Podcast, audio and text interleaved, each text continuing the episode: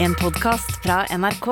De nyeste episodene hører du først i appen NRK Radio. og uttakte her med godt humør på mandagskvelden. Men alt er ikke sånn som det skal være. Nei, Jeg sitter hjemme på, i loftstua og sender radio i, i kveld. Føler meg litt sånn som gutta på skauen. Nå skal far opp på loftet og, og sende radio. Eventuelt som en sånn nærradiopioner på 80-tallet som har satt opp en piratsender i nabolaget og driver og sender eh, fra stua. Men hvorfor måtte du på loftet? Eh, Jeg har jo da testa positivt for covid i dag morges. Det er litt under den der alle skal få, og nå er det min tur. Så nå er jeg her. Men vi lar oss ikke stoppe. Nei, nei, nei, på ingen måte. Og, og eh, du så gjerne at tallene på de som var lagt inn på intensiven eh, var gått opp til 509 i dag, opp 67.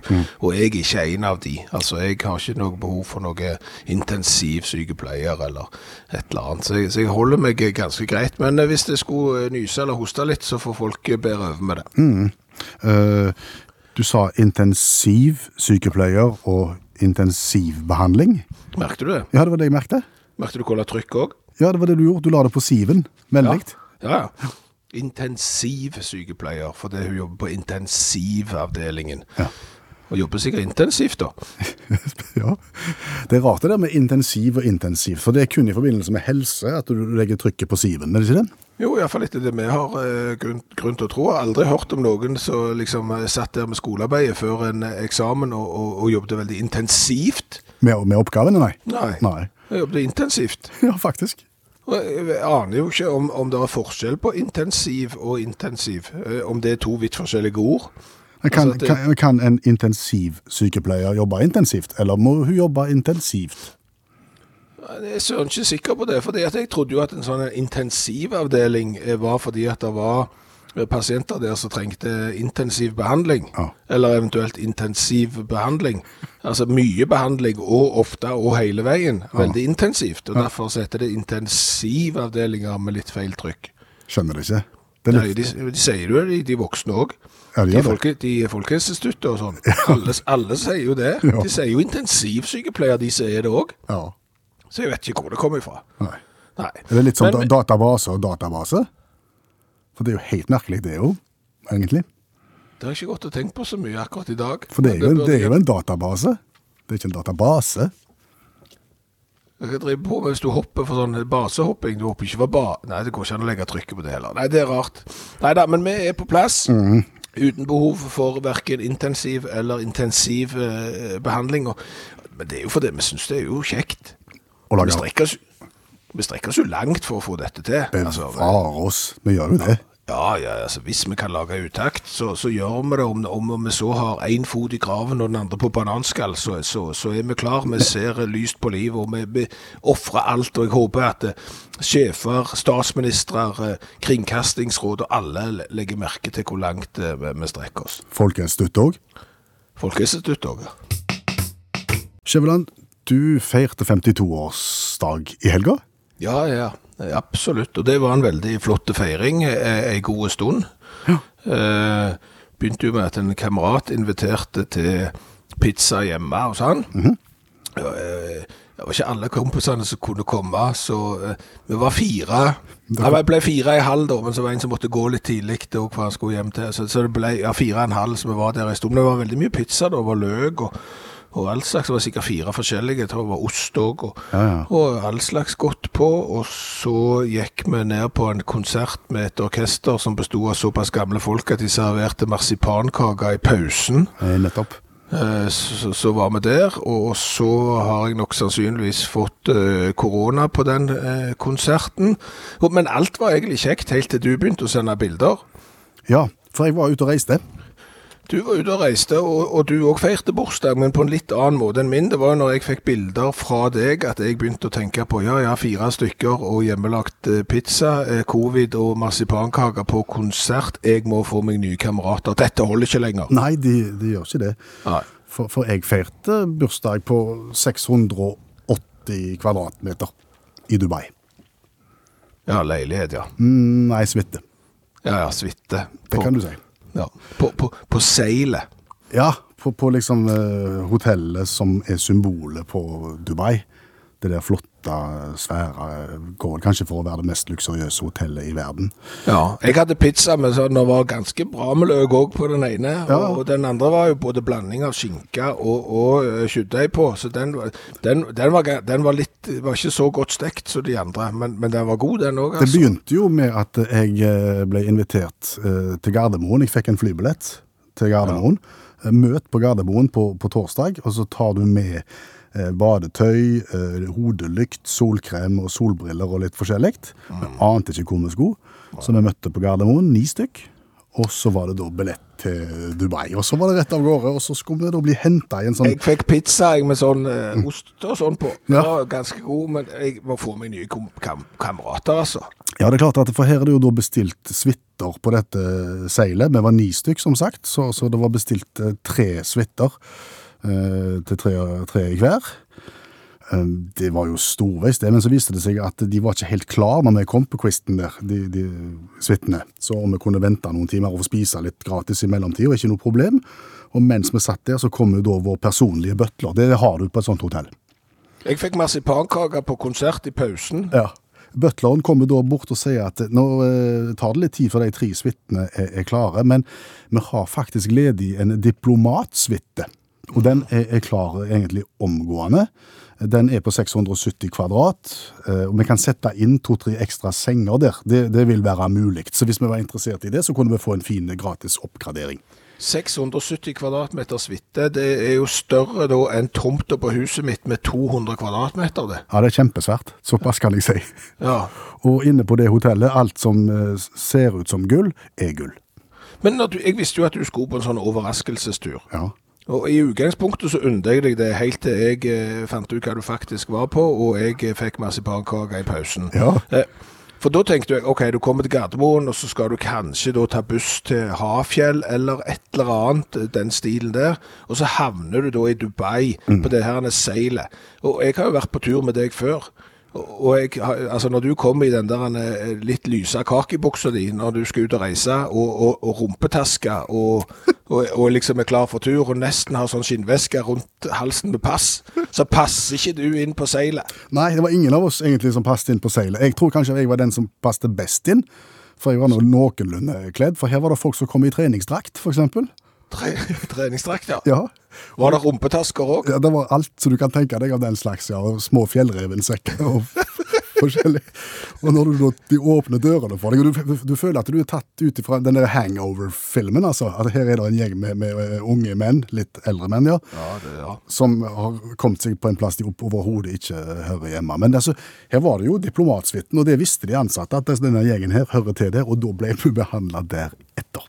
Selv når dere kommer med, med treningsdrakt og, og ryggsekk og rumpetaske og greier. Selv når vi kommer med takeaway-pizza, sju takeaway-pizzaer i, i stabelen, vi hadde vært ute og handla takeaway-pizza, og, og, og kommer bærende med den inn i, i, i gullfoajeen.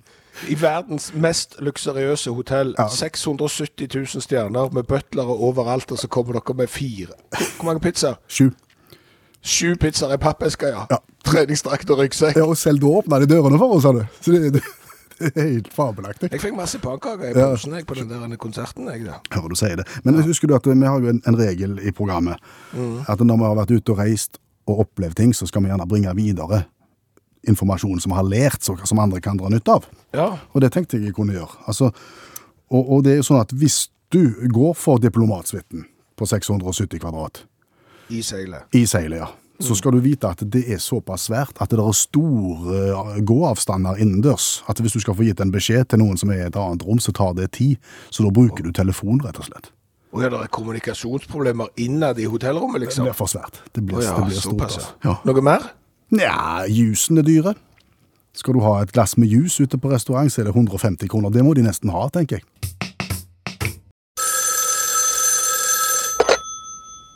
Hallo! Hei, Stavanger-smurfen. Stavanger-kameratene, go, go, go. Jeg skal trege deg igjen. Du, Ja, nå har vi vært bekymra for deg. Nå er det mange som har tatt kontakt og, og lurer på hvor du har blitt av. Hørte ikke noe fra deg forrige uke. det stemmer korrekt, Mundo Klingsheim. Kvindesland heter jeg fortsatt. Ja, samme eh, kan det være. Det har, vært, eh, det har vært noen heisende uker, for å si det fint. Jeg har vært eh, ei brikke i et sånt diplomatisk trekkspill. Et, et, rett og slett et diplomatisk trekkspill. Ja. Det er spe- spesielt. Sist gang vi snakket med deg, så var du kommet til Kina Ja. på jakt etter hund. Ja. Nå er du Hjemme. Du har kommet hjem, Omsider. Uten hund. og det gikk galt. For kort oppsummert så, så fant vi jo ikke de hundene vi hadde lyst på i, i Kina, men vi fikk jo tak i noen. Mm. Trodde vi! For det var jo løshunder, trodde vi, som vi hadde fått tak i. eh, Og var klar til å reise hjem med disse til Norge. Det viser seg det at det var ikke eierløse hunder allikevel. Kinesisk politi eh, tok oss inn til avhør for tyveri av eh, hund. Og når du sier oss Ja, det er jo kajakken og meg. Det er jo vi som er på denne rundreisen, for å si det sånn. ja, OK, så dere hadde stjålet hund, ja? Sånn så ikke jeg det, Nei, men sånn så politiet det.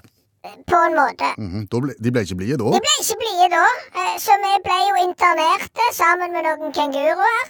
Kenguruer? Jeg hadde aldri hørt om det folkeslaget sjøl, men, men jeg har forstått det sånn at kineserne er ikke spesielt glad i dem. De heter ikke kenguruer. Hva da de heter? Urigurer heter de. Ja, det er nesten det samme. Det vil jeg ikke si, men OK. Ja, ja, men, men det er hyggelige folk. Ja. Ja, ja, så, så vi, vi satt jo der, men da begynte jo det der di diplomatiske trekkspillet Mhm. og, og arbeidet. Ja, sant, og det handler jo om store ting, dette her. Jeg har jo havna midt i en sånn en eh, diplomatisk eh, Hva heter det så? Gordisk eh, sverd? Gordisk knute, hva, hva er det som har skjedd da? Hvordan da? Norge vil jo selge laks. Vet du, Det er dårlig stemning på tvers, og så begynner jo folk å engasjere seg i dette her. Amnesty kommer jo på banen. Nei, Jo, jo. for å få deg løs? De så på meg som en sånn samvittighetsfang, og det kan jeg fortelle deg, Klingsheim. Kvinnesland? Samme kan det være. Jeg har ikke dårlig samvittighet en eneste plass i denne saken. Jeg har ikke gjort noe feil. Iallfall ikke bevisst. Og likevel ser du en samvittighetsfange. Men det er klart, etter hvert da, så begynner jo ting å så ordne seg. Amnesty trekker i noen tråder. Ambassaden trekker i noen tråder. Jeg trekker i en tråd og to. Ja. Og så ordner det seg jo på en måte da til slutt. Hvorfor bare på en måte? Nei, for vi kommer jo tilbake uten hund. Ja, ja, ja. For å si det sånn, dette er jo måneder av livet mitt som jeg aldri kommer til å få igjen. Og jeg sitter da med en kolossal regning på, på egentlig all slags. Både på hund, på reis, eh, på advokatutgifter. Ja, det ser ikke godt ut. Hvordan ser du veien videre da? Mørkt. Mørkt, ja. Ja. Eller egentlig ikke så mørkt. Å nei. Jeg ble jo, fikk jo kontakt med disse kenguruene. Uigurene. Ja, men som sagt, de er hyggelige, de. Ja. Så, så eh, det er mulig at jeg har eh, eh, skaffet meg noen kontakter sjøl i, i Kina. Og vi vet jo alle det at Kina er jo eksportens land. Sånn at det er mulig jeg kan få til en ganske bra økonomisk ordning etter hvert med, med import av ting fra Kina. Sånn at, eh, at jeg kanskje kan tjene inn alt jeg har tapt. Har du tenkt på noen spesielle produkter? Det, det jobber jeg med. Det jobber du med. Det er ikke ferdig. Så nå er jeg iallfall uh, home free. Nei, hvordan er det? Jeg er home. Jeg er hjemme. Ja. Ja. Det var det godt å høre det da. Så får vi begynne å ta én dag av gangen, så de sier i idretten, og at uh, cup er stafett. Stemmer det. Ja. Da snakkes vi! Det gjør vi. Kjekt å høre fra deg. Ha det! Ha det. I gamle dager så var det jo sånn eh, Per Øystein, at eh, vi- hvis vi ikke hadde vært greie, så måtte vi inn. Da fikk vi ikke lov å være ute. Ja, det hendte jo vi fikk husarrest òg hvis vi hadde gjort noe ekstra gale. Ja, Det er jo en fattig eh, trussel nå, for nå vil jo ikke ungene ut. De vil være inne og game. Så den nye trusselen nå er at hvis du ikke oppfører deg fint nå, så tar jeg internettet. Ja, det, Da smeller det. Da smeller det. Og, det var nok kanskje den tanken eh, den franske faren som jeg leste om her i nyhetene for noen dager siden, òg kjente på. For, for han sperra nemlig mobildatasignalene eh, for at ungene ikke skulle være på internett på kvelden. Han sperra de fra midnatt til tre på morgenkvisten. Men ikke bare for ungene. Faktisk for hele landsbyen. Oi sann. Da da blir det stemning. Ja, Men visste han at han gjorde det, eller bare skjedde det som en konsekvens? Nei, Han hadde kjøpt utstyr for å jamme, eh, for å sperre mobilsignalene, men han sperret jo mobilsignalene for hele landsbyen, og ikke bare for ungene sine. Allmennlærer med to vekttall i musikk, Olav Hove. Eh, Hvor vanlig er det at fedre eh, jammer, forstyrrer mobilnettet til en hel landsby? Om ikke fedre, så er det ganske vanlig, faktisk. Og eh, han her hadde jo kjøpt dyrt utstyr, det trenger du egentlig ikke. For å forstyrre signalene til hele byen? det er ikke, du trenger ikke det. Jeg vil faktisk gå så langt å si snarere tvert imot. I Aberhosen i Wales i 2018 så våkna en mann ved navn Philip Rove en morgen og hadde ikke internett. Nei. Nei. Trekk ut alle ledninger, setter det inn igjen og sånne ting. Han kom hjem fra jobb da, senere på dagen, så virka alt helt fint. Sto opp neste morgen, hadde ikke internett. Gjentok det samme. Kom hjem fra jobb, internett virka. Så hadde han hjemmekontor en dag, og viste seg at mellom sju og åtte så virka ikke internett. Så han fikk jo folk inn og ordna, styra og fiksa, og, og nå skal alt i orden. Samme skjedde hver morgen. Hørte litt med naboene. Jo, ingen hadde internett mellom sju og åtte. Sjekka litt i andre nabolag. Nei, hele, hele Aberhosen var ikke internett mellom sju og åtte. Eh, her tenker en jo da, sant. Overbelastning, dårlig fiber og sånne ting. Det ble en del graving, da. Ja. Bytte ut fiber. eh, Overbelastning om morgenen. Eh, alt er i orden. Nytt utstyr, nye modem og transmittere og fandens oldemor. Internett virker ikke mellom sju og åtte hver morgen. Fikk tak i et sånt selskap som heter Open Reach, da, som har litt sånn peiling på litt sånn cyberkriminalitet. For jeg hadde mistanke om at her er det noen som prøver å sende et signal, eller eventuelt ta vekk et signal. Og, og etter 18 måneders, eh, etter 18 måneders eh, forskning så hadde de brukt så avansert utstyr og fant at eh, klokka sju hver morgen så kom det et voldsomt sterkt elektrisk signal med meget pussige frekvenser som gjorde at alt ble ødelagt i forhold til internett i landsbyen. Kan det være spøkelse? Ja, så tenker jeg her er det, her er det, her er det noe skummelt. Så de, de fant ut hvor signalet kom ifra, fikk tak i litt sånn bevæpna folk og sånt. For her, her visste ikke hvem du hadde med å gjøre. Ja, for her trodde de at her var det noen som satt inn et svært elektrisk støt, Ja, som på en ja, måte ja. fjerna hele internettilgangen. Ja, ja. Visste ikke at det var et eh, byggefelt, et såkalt etablert byggefelt i landsbyen, og ringte på, og ut kom Aldun og Elaine Reece, 67 år gamle pensjonister. Og de sa pass, vik til side, her, er noe, her skjuler de terrorister der. Fant ikke noe galt inne i huset i det hele tatt. da. Så, så, så måtte de begynne å spinne. Så sa de hva, om morgenen, hva skjer da, liksom, når de våkner? Jo, nei, da har vi TV-en på, på, i soverommet vårt, og så ser vi da frokost-TV en time mellom sju og åtte, liksom. Ja, hva TV? Så viste det seg at de hadde vært i Bangkok, disse her to. Kjøpte seg en TV, 16-toms TV, flatskjerm i ei bakgate for 249 kroner, av typen Samsung. Ikke Samsung. Nei, det var Samsung. Ja, ehm, Så kasta de TV-en, og dermed så hadde hele landsbyen internett. Imponerende. sant? 1500 mennesker mista internett pga. en Samsung-TV. Og, og spørsmålet er er det verdensrekord? Nei. Det er ikke verdensrekord. Nei, nei. 28. mars 2011, 75 år gamle da, georgiske damen Heistein Shakarian var ute og lette etter kåper i heimbyen sin, Kesani.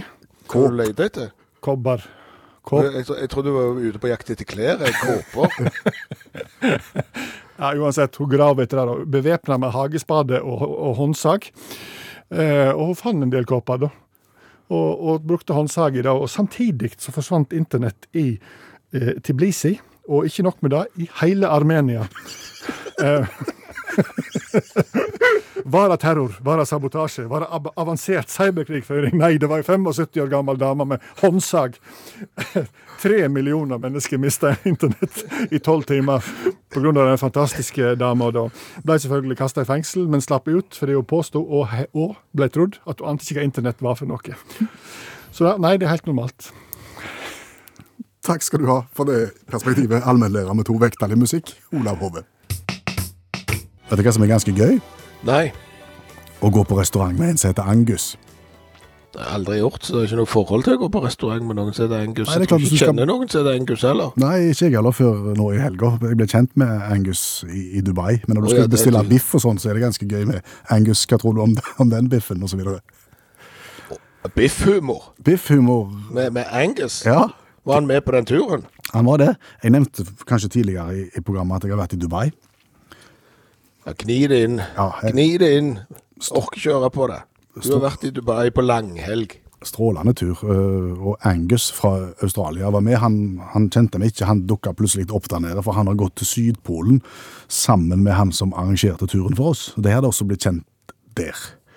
Og det, og det som var det gøy med Angus, det var jo at han, han, han ble jo en slags motvekt til resten av gjengen. For du husker, du, du malte jo et bilde av hvordan vi så ut der i Dubai, i, i verdens dyreste hotell. Ja, det er klart, når du kommer med rumpetaske og dagstursekk, eh, litt for store fleecejakke, og en har på seg treningsdrakt i tillegg, så ser det ikke ut som du passer inn på syv stjerner. Nei. Bokstavelig talt. Nei, og, og alle sammen med en eller annen ja, kroppslig skavank. For, for arrangøren av turen, når han skulle legge opp aktivitetene, så, så måtte han innhente litt informasjon av oss i, utgangspunktet om, om det var noen som hadde vondt der eller feilte noe, eller som gjorde at vi ikke kunne være med på ting. Og, og alle hadde jo et eller annet, bortsett fra Angus.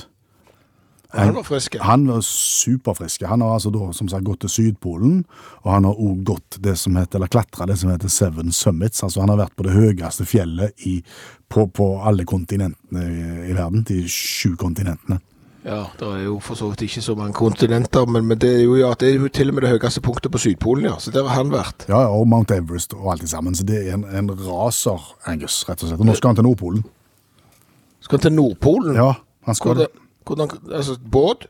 Nei, nei, han skal gå på ski. På ski til Nordpolen. Jeg måtte jo spørre han, Angus, du er fra Australia, og du skal gå på ski til, til Nordpolen. Går, går det godt? Ja, ja, han har fått øvd en del. Han bor i København, sa han. Ja, det er, for å si det sånn, Hvis du skal forberede deg på eh, tur til Nordpolen, så er det ingen plass som er bedre enn København. Nei. Med alle sine utfordringer sånn skimessig. Ja, ja, men det Fikk du med deg at det var jo noen fra, fra New Zealand også som vant eh, gullmedalje i OL? Ja, det ser du. Ja, så, så, så det, det, det går jo an, men vi har jo etterlyst dette her. Eh, altså folk som, som går på ski fra, fra disse landene her. Men altså, er du sikker på at han skal gå på ski til Nordpolen? Ja. Fordi at det, Jeg trodde ikke det gikk an å gå på ski til Nordpolen nå. At den globale oppvarminga var kommet så langt at du liksom ikke kan gå på ski. Og selv om du har trent eh, i København, i, i Jomfru jeg vet ikke hva disse gatene heter. er Jomfru, er Jomfru, det er en annen by.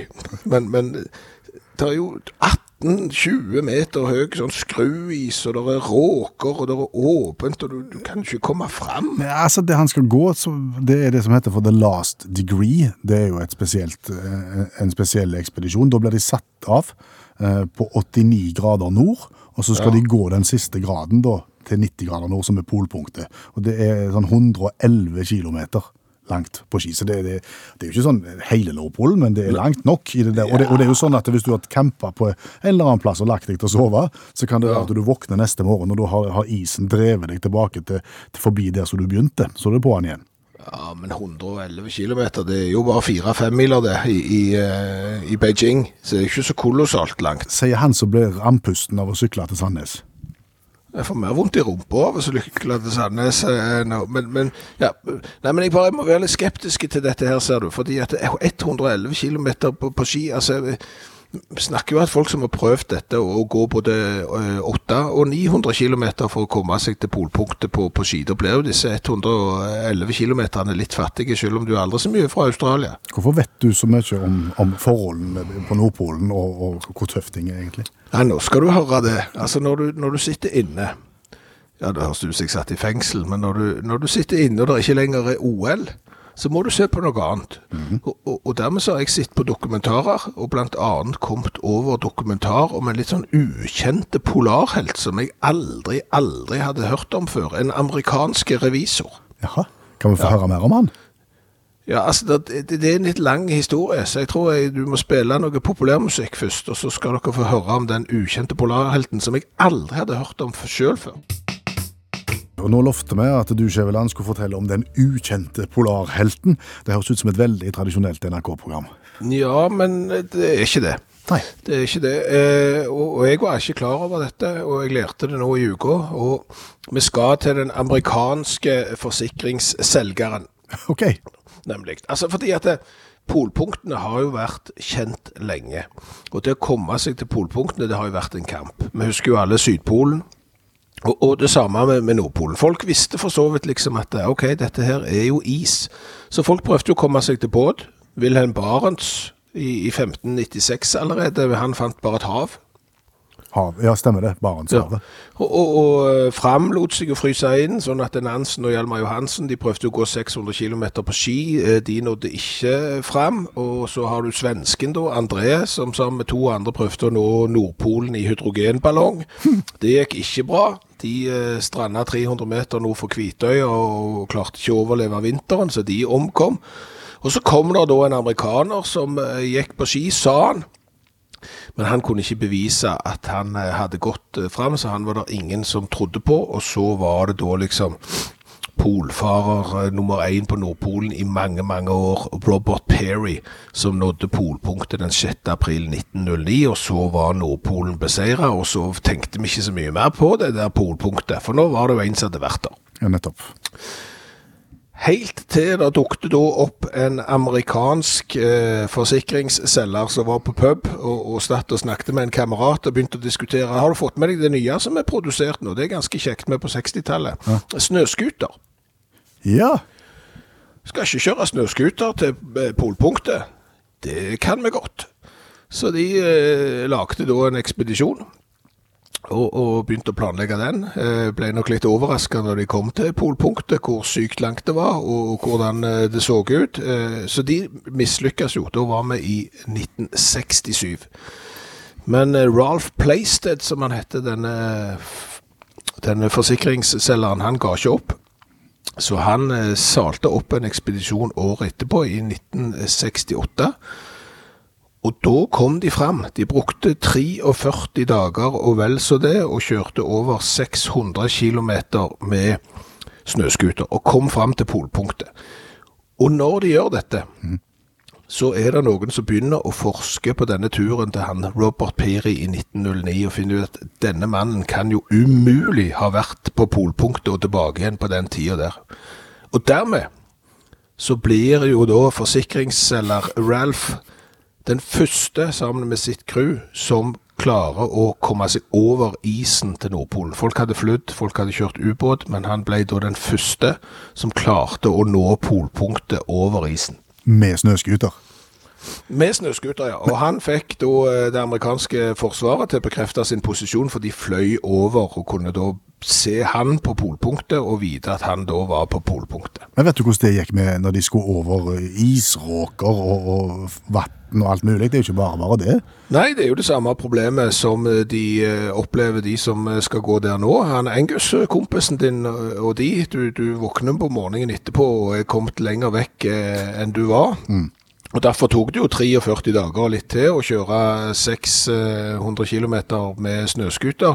Noen dager var jo nesten et minusregnskap. Men dette så jeg en dokumentar på, og du hadde heller aldri hørt om Ralph Playstead, hadde du det? Nei, eh, men, Første mann på Nordpolen, Ralph Playstead. Aldri hørt om. ja, men hvorfor har vi ikke hørt om han da?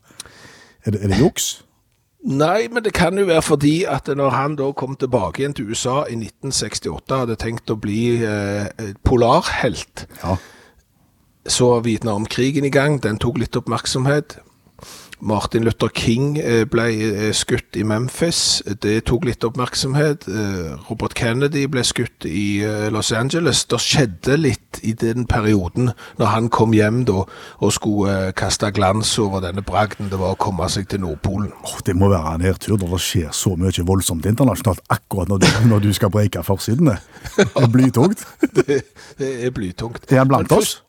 Nei, han døde i 2008. Så eh, det er et bra quiz-spørsmål. Der er- kan du svare på to ting. Det er hvem vant femmila på OL i Beijing? Svaret på det er ingen, for den ble ikke gått femmil. Og hvem var den første som nådde polpunktet over isen? Ralph Playstead. Svogerforskning, du vet hva det er? Ja, Det er sånn etter det jeg har grunn til å tro. Forskning, altså ikke, ikke basert på så mye mer enn at du har en følelse av noe.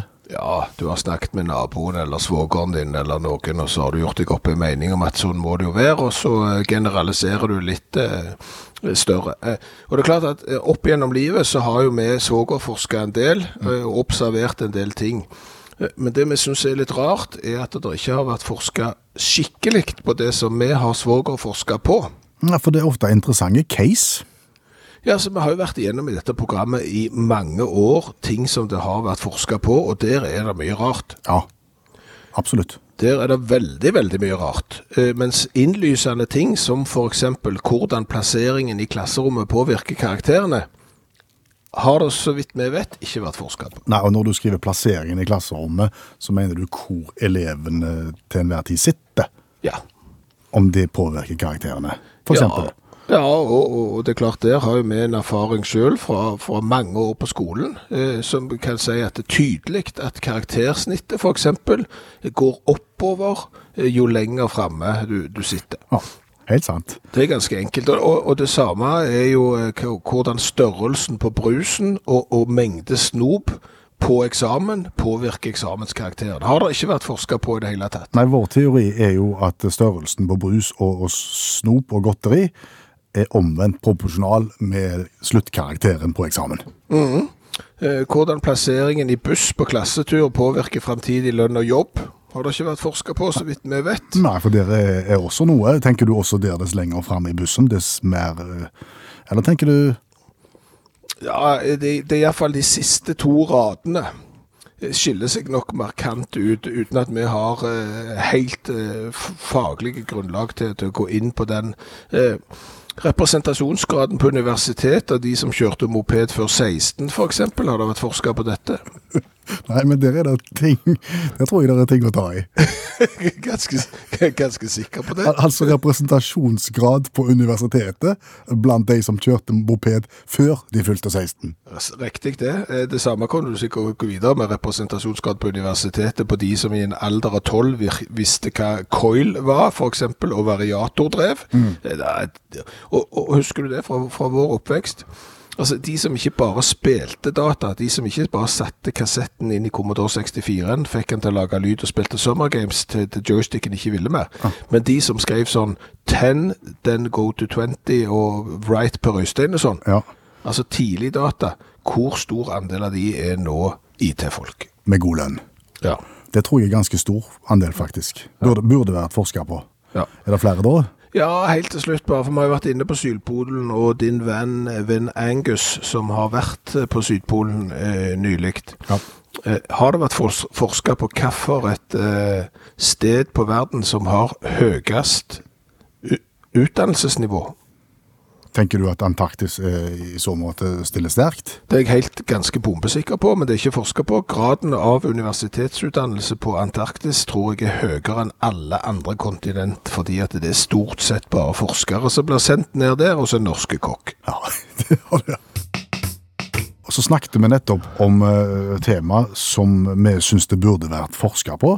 For når en hører om alt det rare som det blir forska på, så må vi sette dette litt i perspektiv. Ja, for, for vi syns jo det er rart at det ikke er satt av forskningsmidler til helt åpenlyse ting. eh, Og det som jo ikke er helt åpenlyst, som det er brukt penger på, det er jo hvor mye Guinness-øl forsvinner i britiske mustasjer og skjegg hvert eneste år. Det er det rett og slett forska på. Absolutt. eh, Svaret på det er drøyt 80 000 liter.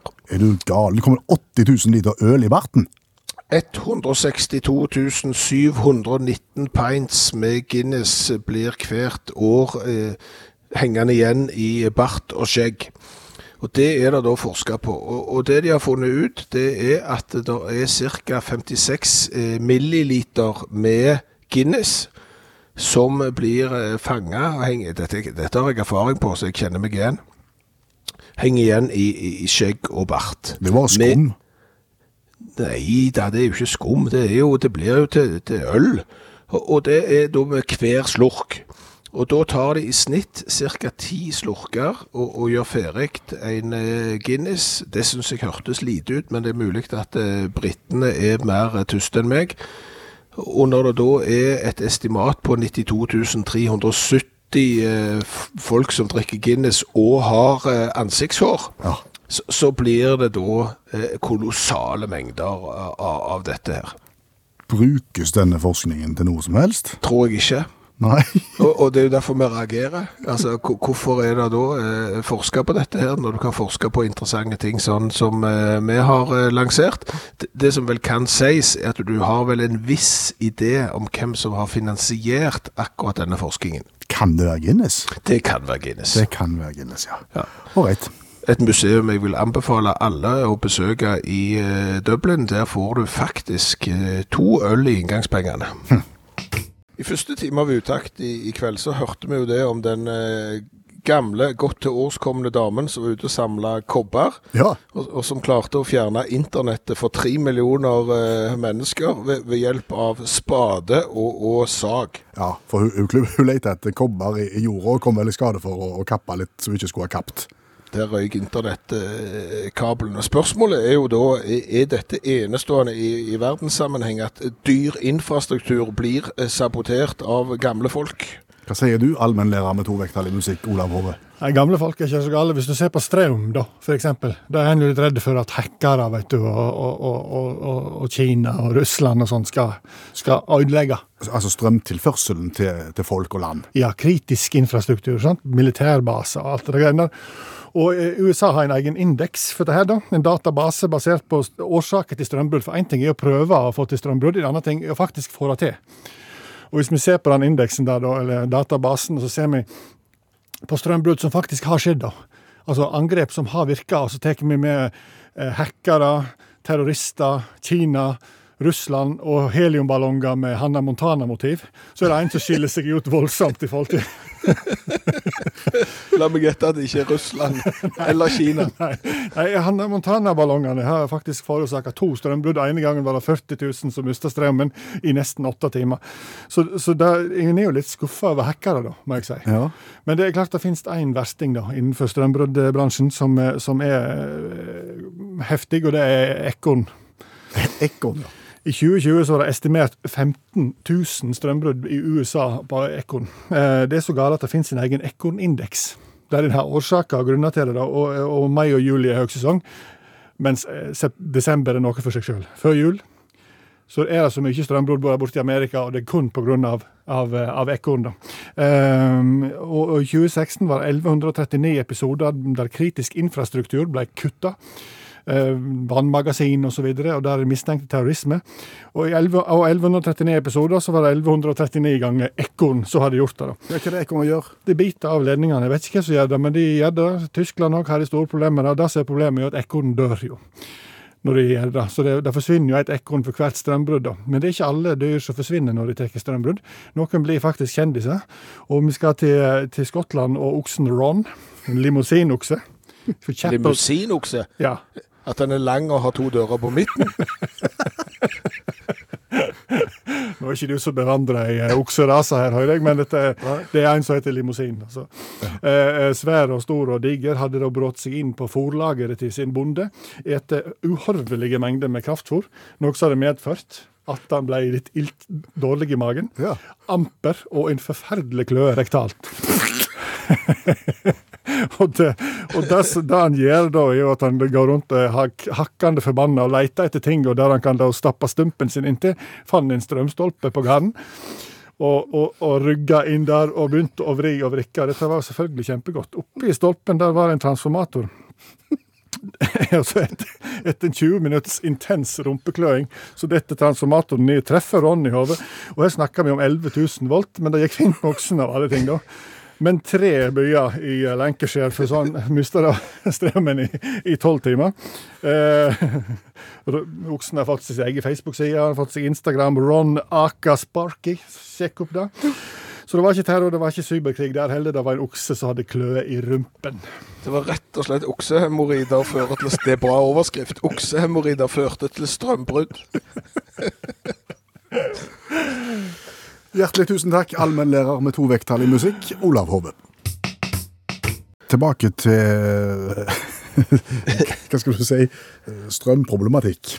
Ja, fordi at når vi hørte allmennlærer med to vekttall i musikk her fortelle liksom om eh, ting som skjer da med teknologien, og så begynner du å nøste i en ende og, og tror at liksom løsningen må jo ligge der, eh, men så ligger svaret en helt annen plass. Fikk meg jo til å tenke på hva som skjedde forrige helg. Hva skjedde da? Jeg var på hytta. Ja, hva skjedde på hytta? Nei, altså når jeg eh, kom på hytta på fredag eh, kveld, sånn i 60-åra, så la jeg jo merke til at eh, utelyset var på. Utelyset på. Ja, eh, men når jeg gikk og la meg på fredagskvelden, så la jeg merke til at eh, utelyset var av. Eh, og da prøvde jeg å skru det på. Så kom det ikke på. Så var jeg ute og kikket på om sikringen var godt, og, og den var heller ikke godt. Og da tenker jo jeg at det naturlige må jo være at siden lyset var på når jeg kom, og det nå ikke er på når jeg går og legger meg, så må den der dimmebryteren være ødelagt. Jeg vet ikke om du har sånn dimmebryter her på, på veggen. Det er liksom sånn ett trykk for å skru den av eller på, og så vrir du for å få nivået. Stemmer det. Ja, Så jeg trykker jo på dimmebryteren, og den går ikke inn.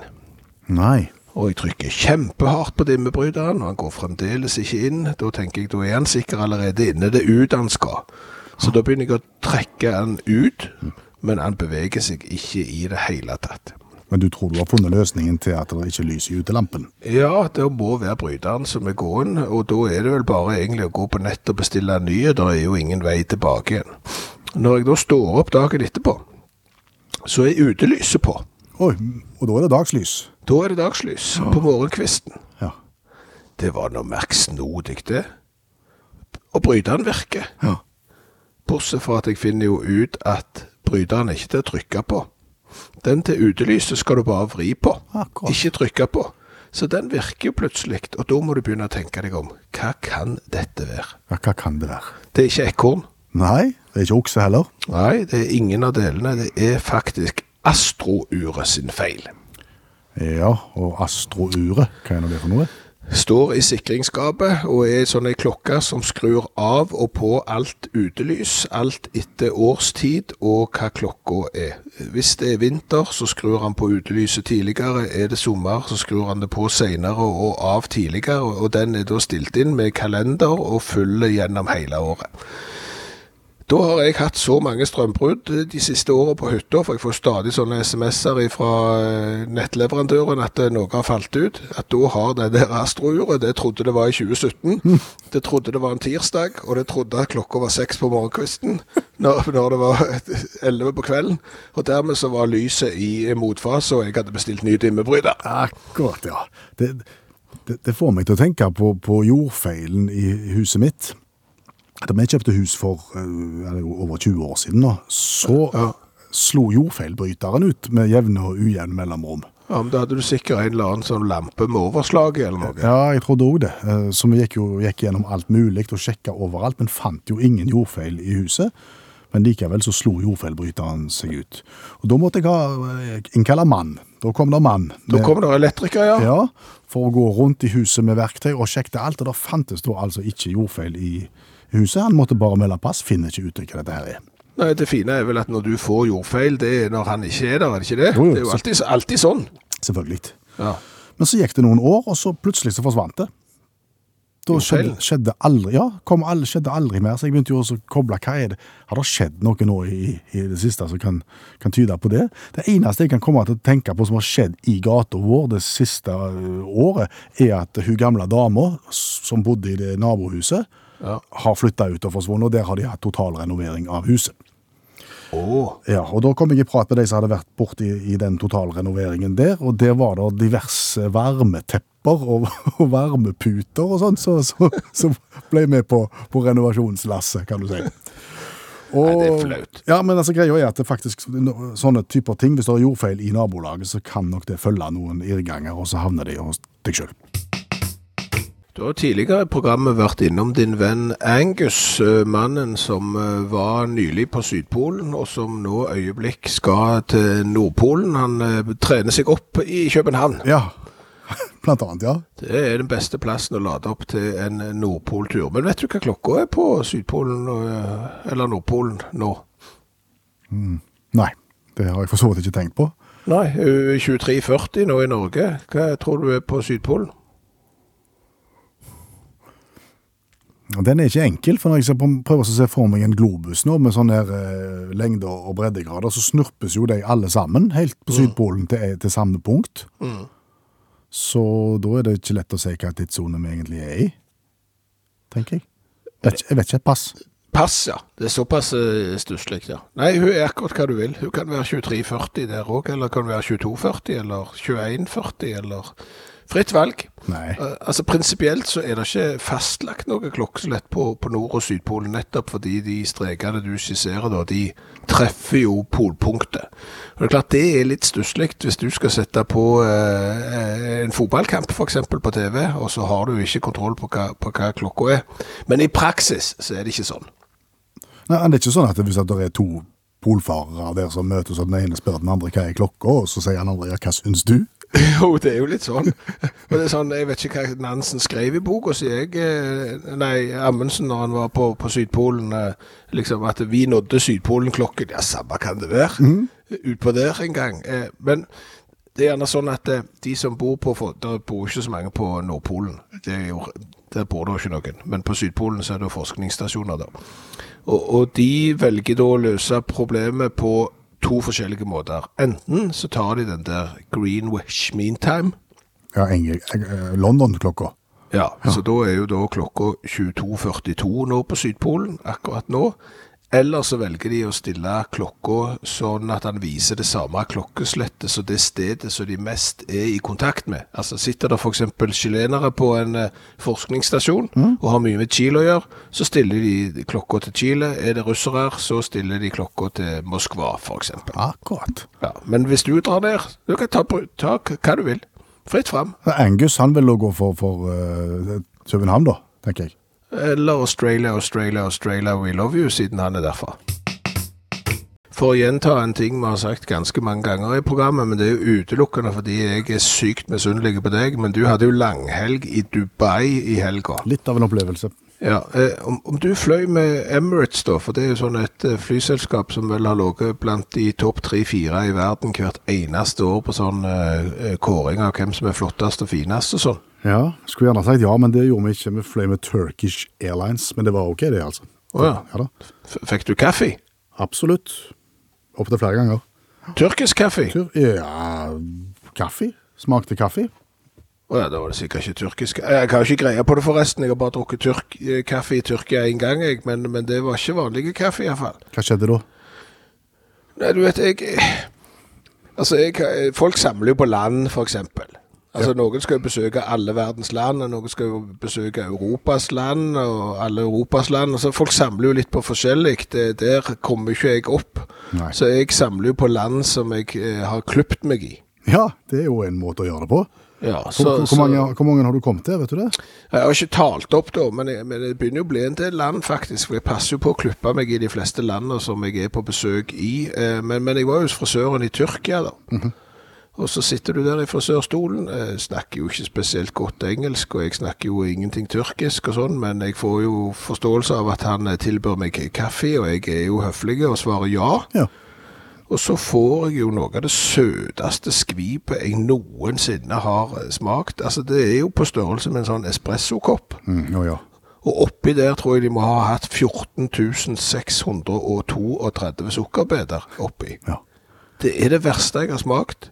Og hva gjør du da? Nei, hva gjør du da? Du må jo drikke opp. Du må jo det. Du må jo være høflige. Altså, For det er jo deg og han som klipper. Altså, det, det er jo ingen, du, du kan jo ikke gjemme deg bak noen. Nei, og det er speil, og det er, det er på en måte Og, og, og det er klart, da er, blir jo ansiktsuttrykk òg ganske viktig, som du sier, når du har speil. Du er veldig eksponert. Veldig, veldig. Og så skal du prøve å liksom si at nei, vet du, og det, dette var godt. Dette, dette var alle, dette var alle tiders. Det var sykt vondt, altså. Ja, men en espressokopp, det er jo ingenting, da. Så var, du fikk vel kvelt ned den? Ja, det, det går jo ned. Vi har jo drukket mange rare ting i dette programmet, så, så det gikk jo ned. Men det, er, det her er jo litt sånn forbrukertips, altså. Så er du hos frisør i, i Tyrkia, så ikke si ja til kaffe. Det fører ingenting godt med seg. Da vil jeg heller klippe meg i Spania, f.eks. Ja, altså, jeg har flere spørsmål her, jeg nå. For, for En ting er nå kaffe, men altså kommunikasjonen for øvrig. Eh, type ja, hvordan vil du ha det på håret? På et Ja, men det- Ja. Det er jo det som er noe av utfordringen med å klippe seg i utlandet. Det er jo noe av det som er Altså, én ting er å samle på land du har klippet deg i, men, men det andre er jo at du vet jo aldri helt hvordan det blir. Nei.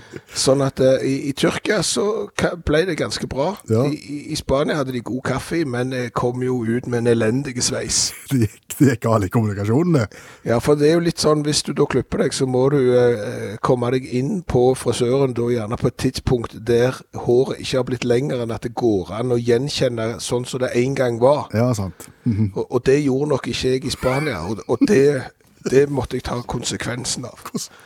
Så det ble, det ble ikke noe sant. det ble ikke bra, det. Nei. Det kan bare si det. Kaffe i Spania, eh, klipping i Tyrkia, så er du i mål. Jeg kom på en ting til her, jeg nå. Jeg husker på, Vi hadde et prosjekt i radioen for en del år siden hvor, hvor, hvor du skulle prøve eh, den nye hårmoten. Og det var en offensiv frisør som kom og klipte deg på direkten. Ja. Eh, Du fikk assosiasjoner til 1940 når, du var ferdig. Tung, si sånn, Tunge assosiasjoner til 1940. det var, det var bare en liten mustasje som mangla, så, så hadde du vært i, i jugend og det som var verre. Uff a meg. Du, jeg må spørre, hva har vi lært i kveld? Vi har lært ganske mye. Vi har jo lært at det er utfordringer med det å sende radio hjemmefra. Ikke bare det at eh, lyden i stua mi er litt annerledes enn lyden i studio. Det jeg òg kom på når eh, nå sendinga har skredet fram, det er at sendinga vår varer jo fram til midnatt. Og jeg sitter jo da og sender i loftstua eh, ved siden av to soverom og åpen terskel. Akkurat. Så, så det hadde jeg glemt ut. Så nå har jeg bråkt helt fram til midnatt for hele familien. Måtte coviden snart gå over. Vi satser på det. Så har vi lært at eh, en av de vanligste årsakene til strømbrudd, det er ekorn. Som spiser ledning. Ja, en litt sjeldnere eh, variant, det er okse eh, med kløe i rumpa. Ja, som må gni seg så hardt inntil stolpe at transformator detter ned og Ja. mørklegger et svært område. Så lært at det ikke bare er hackere som gjør at folk mister internett. Det kan òg være gamle damer med, med håndsag og, og spade som er ute og leter etter kobberledninger for å spe på kanskje en litt eh, stusslig pensjon. Eh, Så lært det at det er ting som ikke er forska på, som burde vært forska på. F.eks. For eksempel om eh, eksamenskarakteren er omvendt proporsjonal med størrelsen på cola du har med deg til eksamen. Mm, og om plasseringa i klasserommet var med å påvirke de karakterene du fikk på skolen, f.eks. Eller og hvor stor representasjonsgrad er det på universitetet av folk som kjørte moped før de var 16. Så har vi jo lært noe veldig, veldig spennende, og det er jo at den første som kom seg over isen til Nordpolen, ikke var noen av disse gamle pionerene som gikk på ski på begynnelsen av 1900-tallet. Det var en amerikansk eh, forsikringsselger som heter Ralph, og hadde med seg to andre, og, og de kjørte snøskuter på slutten av 60-tallet. Det er ganske spennende med en sånn en pioner som aldri har hørt på. Og apropos eh, polpunkt, vi har jo lært at eh, det er ikke noe tidssone på eh, Sydpolen og, og Nordpolen. Det er litt sånn eh, velg et tall sjøl. Ja, hva syns du? Ja. Og da er programmet slutt, da. Ja, Er det ikke egentlig det? Jo, Bjørn Lars Skjævland heter jeg. Per Øystein Kvindesland heter jeg. En podkast fra NRK. De nyeste episodene hører du først i appen NRK Radio.